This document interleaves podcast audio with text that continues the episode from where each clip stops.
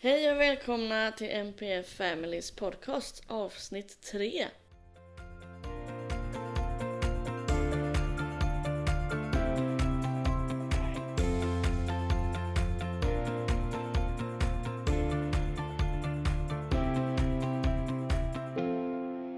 Detta avsnittet kommer nog bli lite känslosamt. Ja, det hoppas För jag inte. som lyssnar. För er som lyssnar i alla fall. Det ska handla om eh, trauman, våra barns trauman som, har, som de har varit med om hittills i livet. Och det är ju framförallt i sjukvården. Ja, och då ska vi ändå påtala att våra barn är inte speciellt gamla. Precis, de är bara sex år. Andra är sju. Ja, precis. Så det ska vi prata om i dagens avsnitt. Vilken Eh, typ av trauma?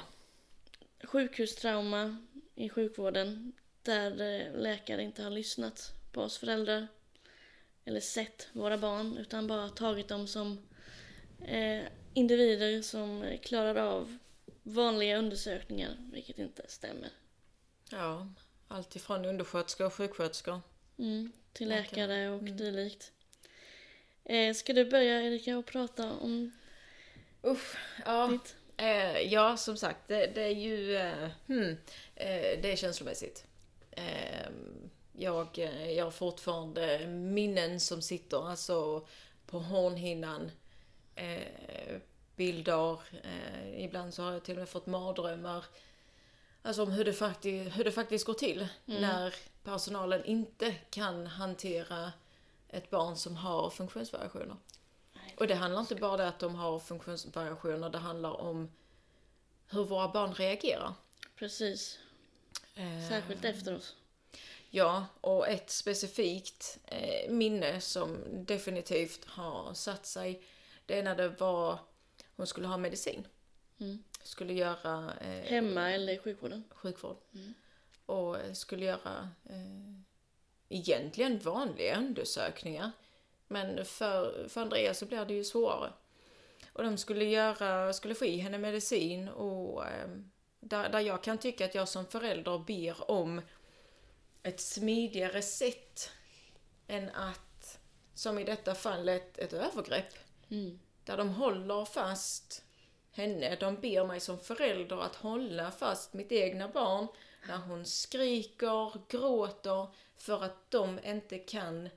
Gör det på annat sätt. Ja, Och de säger framförallt du måste hålla ditt barn precis. Eh, vi måste ingenting. Eh, alltså för en förälder att hålla fast sitt egna barn på det viset och liksom skriker mamma, gråter och i ren panik. Nej, där ska jag som förälder hålla fast henne med alla krafter jag har. Precis, de blir så fruktansvärt starka också. De blir oerhört starka och redan då så var hon för stark. Mm. Ehm, så jag, jag vet inte hur, jag tror det var fem personal.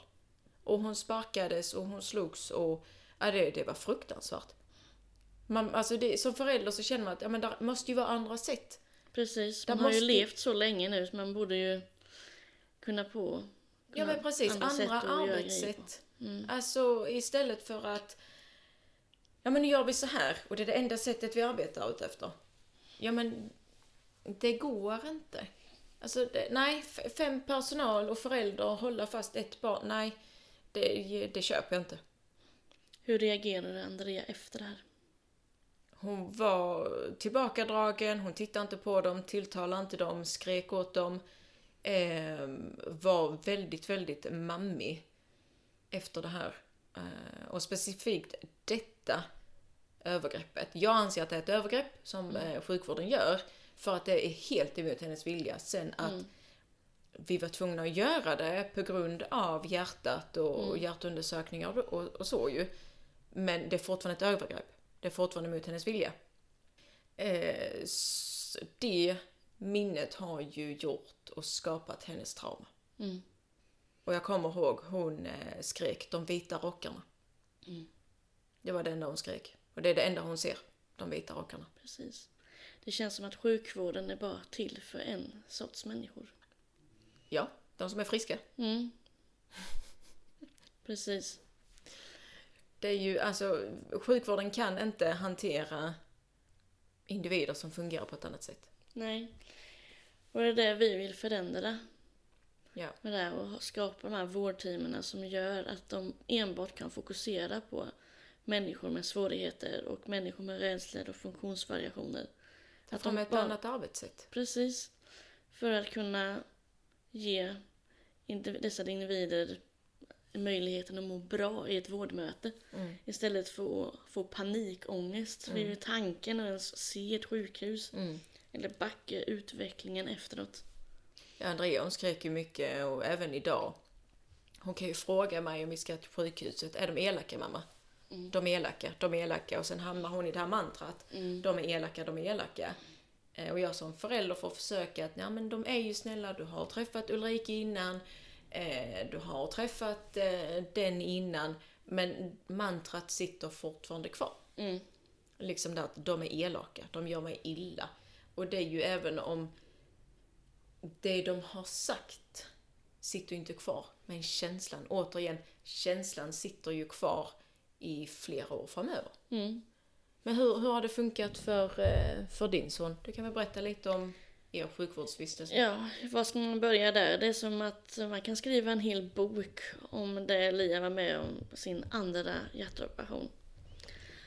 Ah, nej, tredje var det. Tredje hjärtoperationen var det. Eh, han var då en, nästan två år gammal. Han skulle göra sin ballongsprängning på hjärtat och för förminska den här eh, förträngningen i aortan. Eh, och han var ju redan då väldigt känslig för undersökningar. Vi var tvungna att hålla i honom, vi var tvungna att muta honom alla möjliga grejer. Men eh, den här gången var det verkligen utöver det vanliga. Vi var helt slut båda två efteråt, även Liam. Eh, det var innan han fick eh, lugnande. Så vid varje undersökning fick man ju hålla fast han allt vi kunde liksom. Både jag och eh, min sambo då. Eh, och man såg ju paniken i hans ögon hela tiden. Mm. Eh, och när han skulle sövas den dagen, eller operationsdagen, eh, så glömde de att sätta in en infart på undersökningen, eller på eh, avdelningen. Så det sa han, det gör de på operation. När vi kommer på operation då, eh, så går ju lugnandet ur kroppen. För att man får kämpa så mycket med han. Ja. Och det slutar ju med då att de ville söva han med mask. Och man hinner ju inte tänka något där för det händer ju på få sekunder liksom. Han satt i mitt knä, det var fyra personer som höll fast han. Medan den femte tryckte in den här masken i ansiktet på honom. ja, det är brutalt. Alltså det var ju sån panik. Alltså det... Han slocknade till slut men det tog tid innan han ens slocknade av den här masken för att han stretade emot och han... eh, Ja det var verkligen panik och eh, skräckslagenhet. Och när han väl hade somnat då alltså... Det enda vi kunde tänka på det var inte operationen utan det var händelsen som precis hade varit. Vi båda var så chockade så vi knappt kunde gå. Det var helt sjukt. Och sen trodde man ju inte att, eh, att det kunde bli värre. Men det blev det. Eh, uppvaket där är nog det värsta jag upplevt i mitt liv. Även eh, värre än hans första operation. Eh, jag skickar in min sambo där eh, i eh, uppvakningen för man får ju bara vara en förälder. Och till slut så hör jag ett skrik och då får Liam ett kruppanfall. Han vaknar upp i ett kruppanfall på uppvaket. Och jag hör att det är han. Och jag går fram och frågar kan jag få komma in? Jag bara, det fick jag inte. Först jag bara, jag måste komma in för jag hör ju att det är min son och jag vet att han behöver båda två. Mm. Eh, och då kom jag in där i uppvaket och möts av eh, den, den här skräckslagna blicken. Bara ta mig härifrån nu. Han hade ryckt bort alla sladdar. Han eh, låg verkligen och stretade emot med hela kroppen. Alltså det var eh, liksom panik. Han var helt genomsvett och då var han knappt två år gammal. Fy. Eh, det var... Det tog lång tid att eh, lugna ner han där. Eh, och han fick ju inhalera två gånger. Så ja, han ska ju vara still i åtta timmar efter den här operationen. Så man försökte ju att eh, vara still. Mm. Men det gick ju inte. Men eh, det gick ändå så pass bra att eh, det inte blev någon blödning eller någonting. Eh, och efter det här så kunde Liam inte göra någonting. Han blev helt apatisk i flera månader. Ett halvår tror jag det tog innan han blev normal igen. Eh, man kunde inte byta blöja på honom. Man kunde inte ta på honom kläder knappt. Han kunde inte vara på förskolan för där skrek han bara. Så vi fick ju vara hemma med honom i två månader tror jag. Två, tre månader. Och det är liksom ett enkelt ingrepp vi pratar om då. Och det här har ju gett honom massa fobier. Det är duschfobi, alltså vattenfobi, för han kopplar det till operation. Innan operation ska man ju duscha. Eh, så att duscha honom har ju varit skitsvårt. Det tog flera år innan han ens ville se en dusch. Så vi har ju försökt att duscha i en vuxen badbalja utanför badrummet. Eh, och försökt med allt möjligt och han har varit skiträdd för höga byggnader för det förknippar han på sjukhus. Han vill inte vistas på offentliga toaletter för det är oftast vitt och det förknippar han med undersökningsrum. Och även eh, åka på utflykter var väldigt svårt för det var nya platser och man visste inte vad han skulle, vad han skulle göra. Så allt var extremt svårt den tiden han var mellan två och tre ord, ord, två och tre år. För det lever ju kvar. Eh, och efter det här så fick han lugnande. Och det, det hjälpte ju till en början. Men sen så hjälpte ju inte det här lilla lugnandet som han hade utan han fick någonting som hette Dextor eller Dextur eller någonting. Och det gör att han somnar. Så detta får han vid varje undersökning nu. Vid varje hjärtundersökning och annat som man ska göra. Vid blodprov, vid eh, blodtryck. Så det får han. Och det underlättar väldigt mycket även om han får panik ändå så fort man går in i en byggnad. Eh, när man ska göra en hjärtundersökning på honom så kommer det en personal ner till parkeringen för att ge ett annat lugnande. Och sen när det har verkat, då går vi upp på avdelningen för att få det här textoren som gör att han somnar. Så det är ju extremt stor process som man själv har fått eh, ta fram för att det ska fungera och ens komma till vården idag. Och det vill inte jag att något annat barn ska gå igenom och inte föräldrar heller. Så det måste ändras.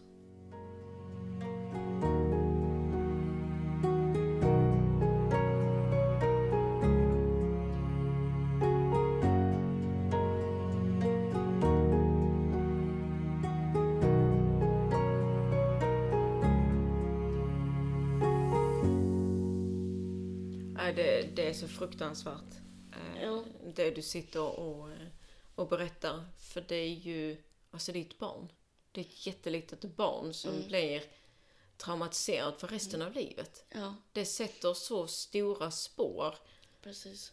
hos våra barn. Men det är så sjukt för det känns som de aldrig har stött på barn med funktionsvariationer tidigare. Nej, Jan. Även om det är så himla många som har det. Det tycker jag är så konstigt verkligen. Ja, och att det inte står i barnets journaler. Mm. Det tog upp nu när eh, Norra Skåne var här. Och just det här att allt annat i vården, det syns Mm. i journalerna. Men det står inte att våra barn har funktionsvariationer och att de behöver bli bemötta på ett annat sätt. Det är precis som att, jaha, oj, det visste inte vi. Så blir det som en chock och då blir de helt... Eh, Ställda blir de. Ja, för de vet inte hur de ska hantera själva mötet. Nej, precis. Men det, kan jag, det upplevde jag även när vi var uppe på eh, barnmottagningen eh, i Kristianstad. Eh, där de ändå ska vara lite mer specialiserade och jobba med barn. Eh, de trodde nog att ta ett blodtryck, det skulle vara enkelt. Eller Mm. koppla på allting för att göra ett EKG, det skulle ju vara enkelt. Mm. Men det är det ju inte. Det är inte bara till att koppla på och ta ett blodtryck. Nej, precis. Det, det är så mycket mer, men ändå så förstår de inte det. Så varje gång vi liksom ska göra någonting så, så får jag ringa in och nej men lite snällt påminna. Eh, den enda där jag faktiskt har blivit uppringd ifrån, det är från BVC eh, här i Vittsjö. Det handlade om hennes vaccination. Där, de, där hon ringde och ja, jag i och så liksom hur, hur, hur vill du att vi ska göra? Jag vill inte eh, arbeta med tvång, jag vill inte göra övergrepp på ditt barn. Hur, hur vill du att vi ska göra? Hur kan vi arbeta? Eh, hur ska jag bemöta henne på bästa sätt?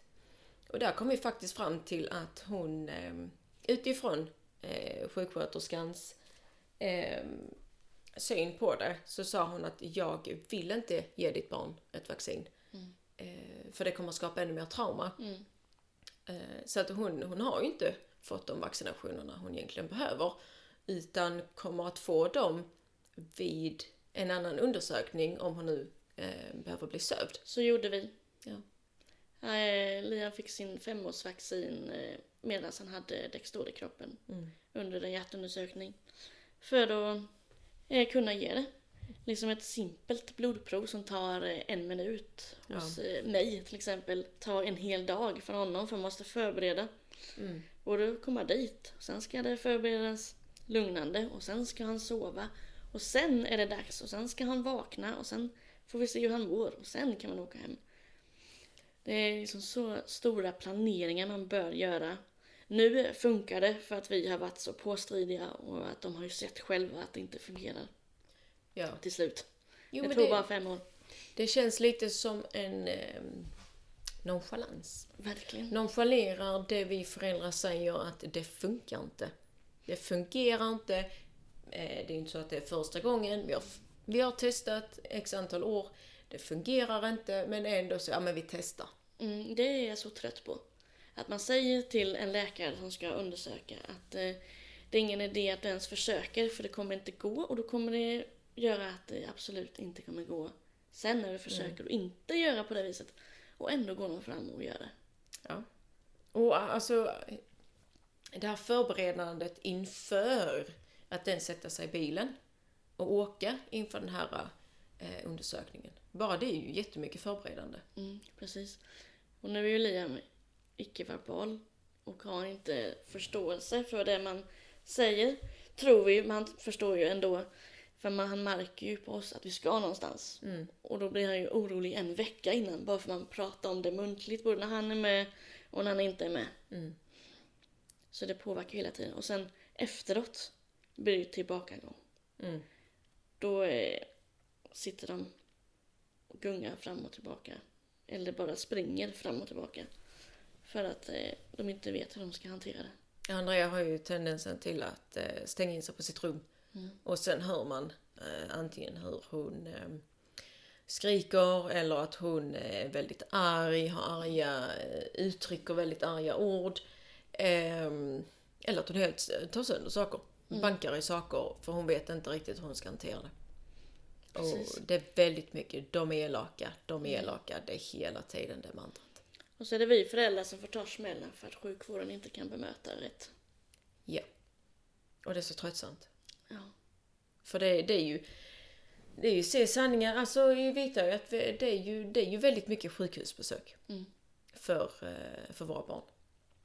Mer eller mindre.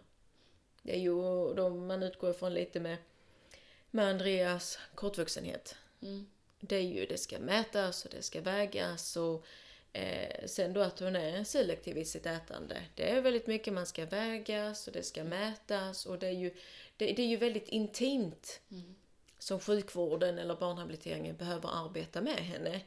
Och det har ju tagit väldigt, väldigt lång tid eh, att få göra de här närmandena. Och sen är ju barnhabiliteringen ju mycket bättre.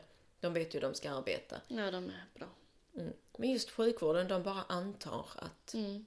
Ja men vadå, det, det, det, bara, det här ordet bara. Men det, vi ska bara göra det här. Jag vet att jag eh, hade kontakt med ögonmottagningen för att vi fick, fick en remiss dit. Och de ringde oss och jag sa att eh, vi vill ha det så här och så här och så här. Och så han bara, ja jag har arbetat med det i 30 år så jag vet hur man bemöter barn. Ja, du har arbetat med barn i 30 år men du har inte bemött mitt barn. Nej precis. Du kan inte ha en aning om hur mitt barn beter sig i en, i en sån situation. Eh, och hon la ju på luren. Oj, Så jag bad dem få komma till Jönköping istället på ögonmottagningen och där gick de med på det vi sa. blev lite förnärmad då alltså. Ja, att, ja, att jag påpekade att hon hade jobbat med det i 30 år och att eh, hon inte hade bemött mitt barn. Det är att de tror att de är högre än oss. Att de sitter Precis. på makten och bestämmer Ja. och de vet precis hur allt det går till. Jo men det vet jag när, återigen, ögonbetalningen. Eh, där jag fick påpeka gång på gång på gång vid varje undersökning, hon har IF, hon är autistisk. Det, det krävs ett eh, väldigt specifikt bemötande för, för er om ni vill kunna eh, få igenom den här undersökningen. Och de här dropparna, alltså jag blir så frustrerad på de här förbaskade dropparna de ska ha i ögonen. Ja, men vi ska bara droppa det här i dina ögon. Denna gången så försökte de använda sig av en docka.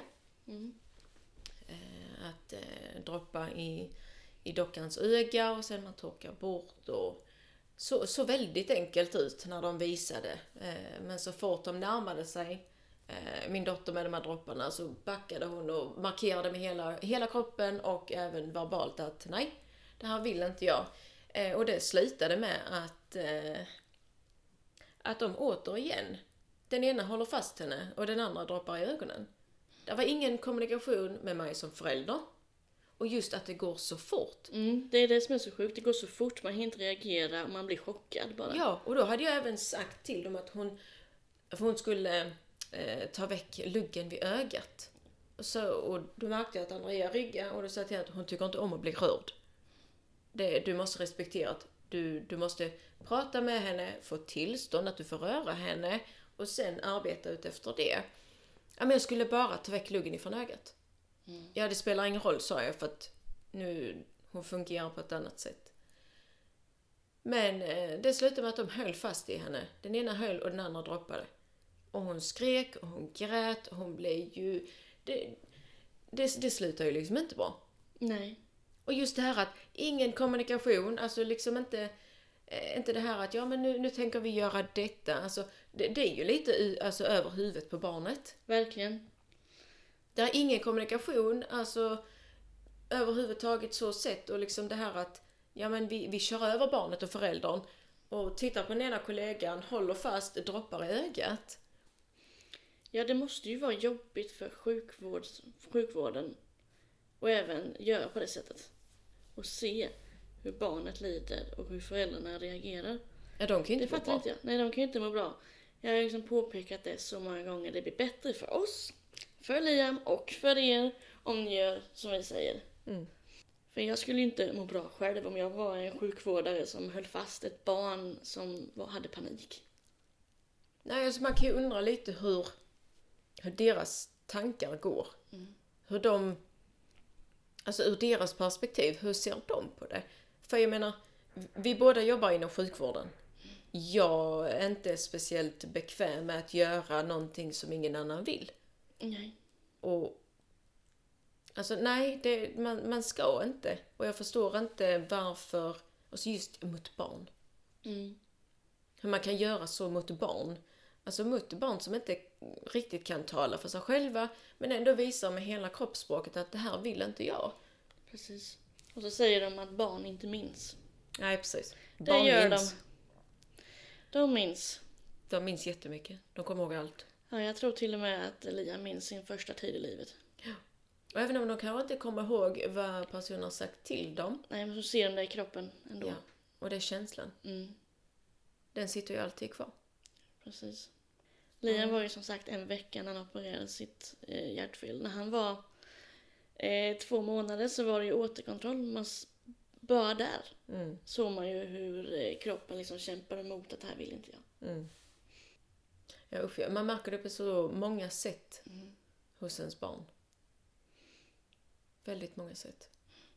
Det tycker jag har varit det värsta med att ha ett barn med funktionsvariationer. Att strida inom sjukvården och se det här och hur bemötandet är och hur okunskapen är bland detta. Ja, för det är väldigt dåligt bemötande. det kan man säga. En stort cred är till eh, tandläkarna i Jönköping odontologiska institutet. Det är det enda stället som jag har stött på som jobbar på det sättet som vi vill att sjukvården ska göra. Hon eh, var sjuksköterska, nej inte sjuksköterska, tandsköterska var hon. Och hon jobbar enbart med individer med eh, diagnoser och sjukdomar.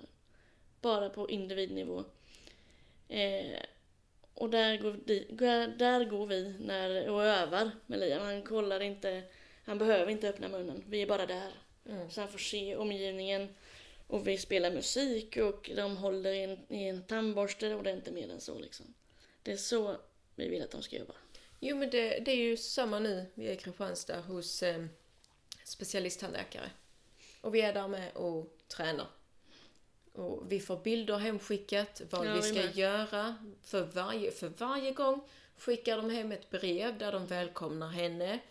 Eh, hur glada de är att se henne, skickar hem bilder. Det är ett helt annat arbetssätt Mm. än vad det är på andra ställen.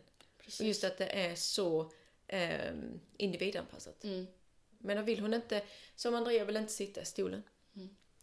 Hon tar fram en vanlig stol. Mm. Visst, hon får sitta i en eh, mer besvärad ställning för att eh, kunna liksom eh, arbeta med henne. Men, men de gör det. Liam sitter i sin hjälpmedelsvagn. Mm. I alla undersökningar nu för tiden. Han har även sövts i den vagnen. Ja. Det är en stor trygghet. Hjälpmedelsvagnen och det bästa vi har fått från Hamn tror jag. Och det är ju alltså att de kan arbeta på det viset. Det är helt fantastiskt. Mm. Så eh, specialisttandläkaren i Kristianstad ska ha eh, stor eloge. Det är tandläkarna alltså som kan det här. Ja. Jo, men då har de ju alltså specialanpassat en verksamhet Mm. för våra barn. Mm. Tänk om sjukvården med hade kunnat göra det. Ha ett Precis. vårdteam som är en av våra visioner. Precis. Och innan jag dör så ska det bara bli av alltså. Ja, det är i alla fall på ett sjukhus. Mm. Precis, så kan de kopiera det och se hur bra det är och ha testat på det. Kan tycka det. Ja. Så jag det nästan så luften gick ur lite där så. ja, jag kände med det att det, ehm, det... Vi kommer ju diskutera föräldrars känslor Mm. i, i andra avsnitt och jag tänker att där, där kommer även det här med trauma och känslor och känslohantering, hur vi har bearbetat saker och ting, det kommer ju tas upp även där. Precis. Så i podden kommer det bli oerhört mycket känslor. Ja. Även för er tittare kanske. Ja. Men det är viktigt, man måste visa känslor. Ja, det är väldigt viktigt att man särskilt är öppen för det och eh, sprider det så man, eh, man inte känner sig ensam. Ä- Ja, alltså acceptera sina egna känslor. Ja, det med. Att de, Att mina känslor är viktiga, även om jag som förälder till mitt barn så är mina känslor jätteviktiga. Precis, och det är väldigt viktigt där med sorgeprocess, att man går igenom den. Ja. Och att det är okej att känna en sorgeprocess. Och det kommer vi också gå igenom i ett annat avsnitt. Mm. Vår verkligen. sorgprocess. Och det kommer också bli ett, eh, ett tufft avsnitt. Mm. Med mycket känslor. Så håll er och eh, ha eh, näsdukar framför er när ni lyssnar på våra avsnitt. Eh, jag tror vi rundar av där. Ja. Jag tror det räcker för denna gången. Så kommer nästa avsnitt handla om relationer. Så det får ni inte missa. Så får ni ha det så bra allihop. Det kommer att bli spännande och lärorikt även det. Verkligen. Tack och hej. Tack.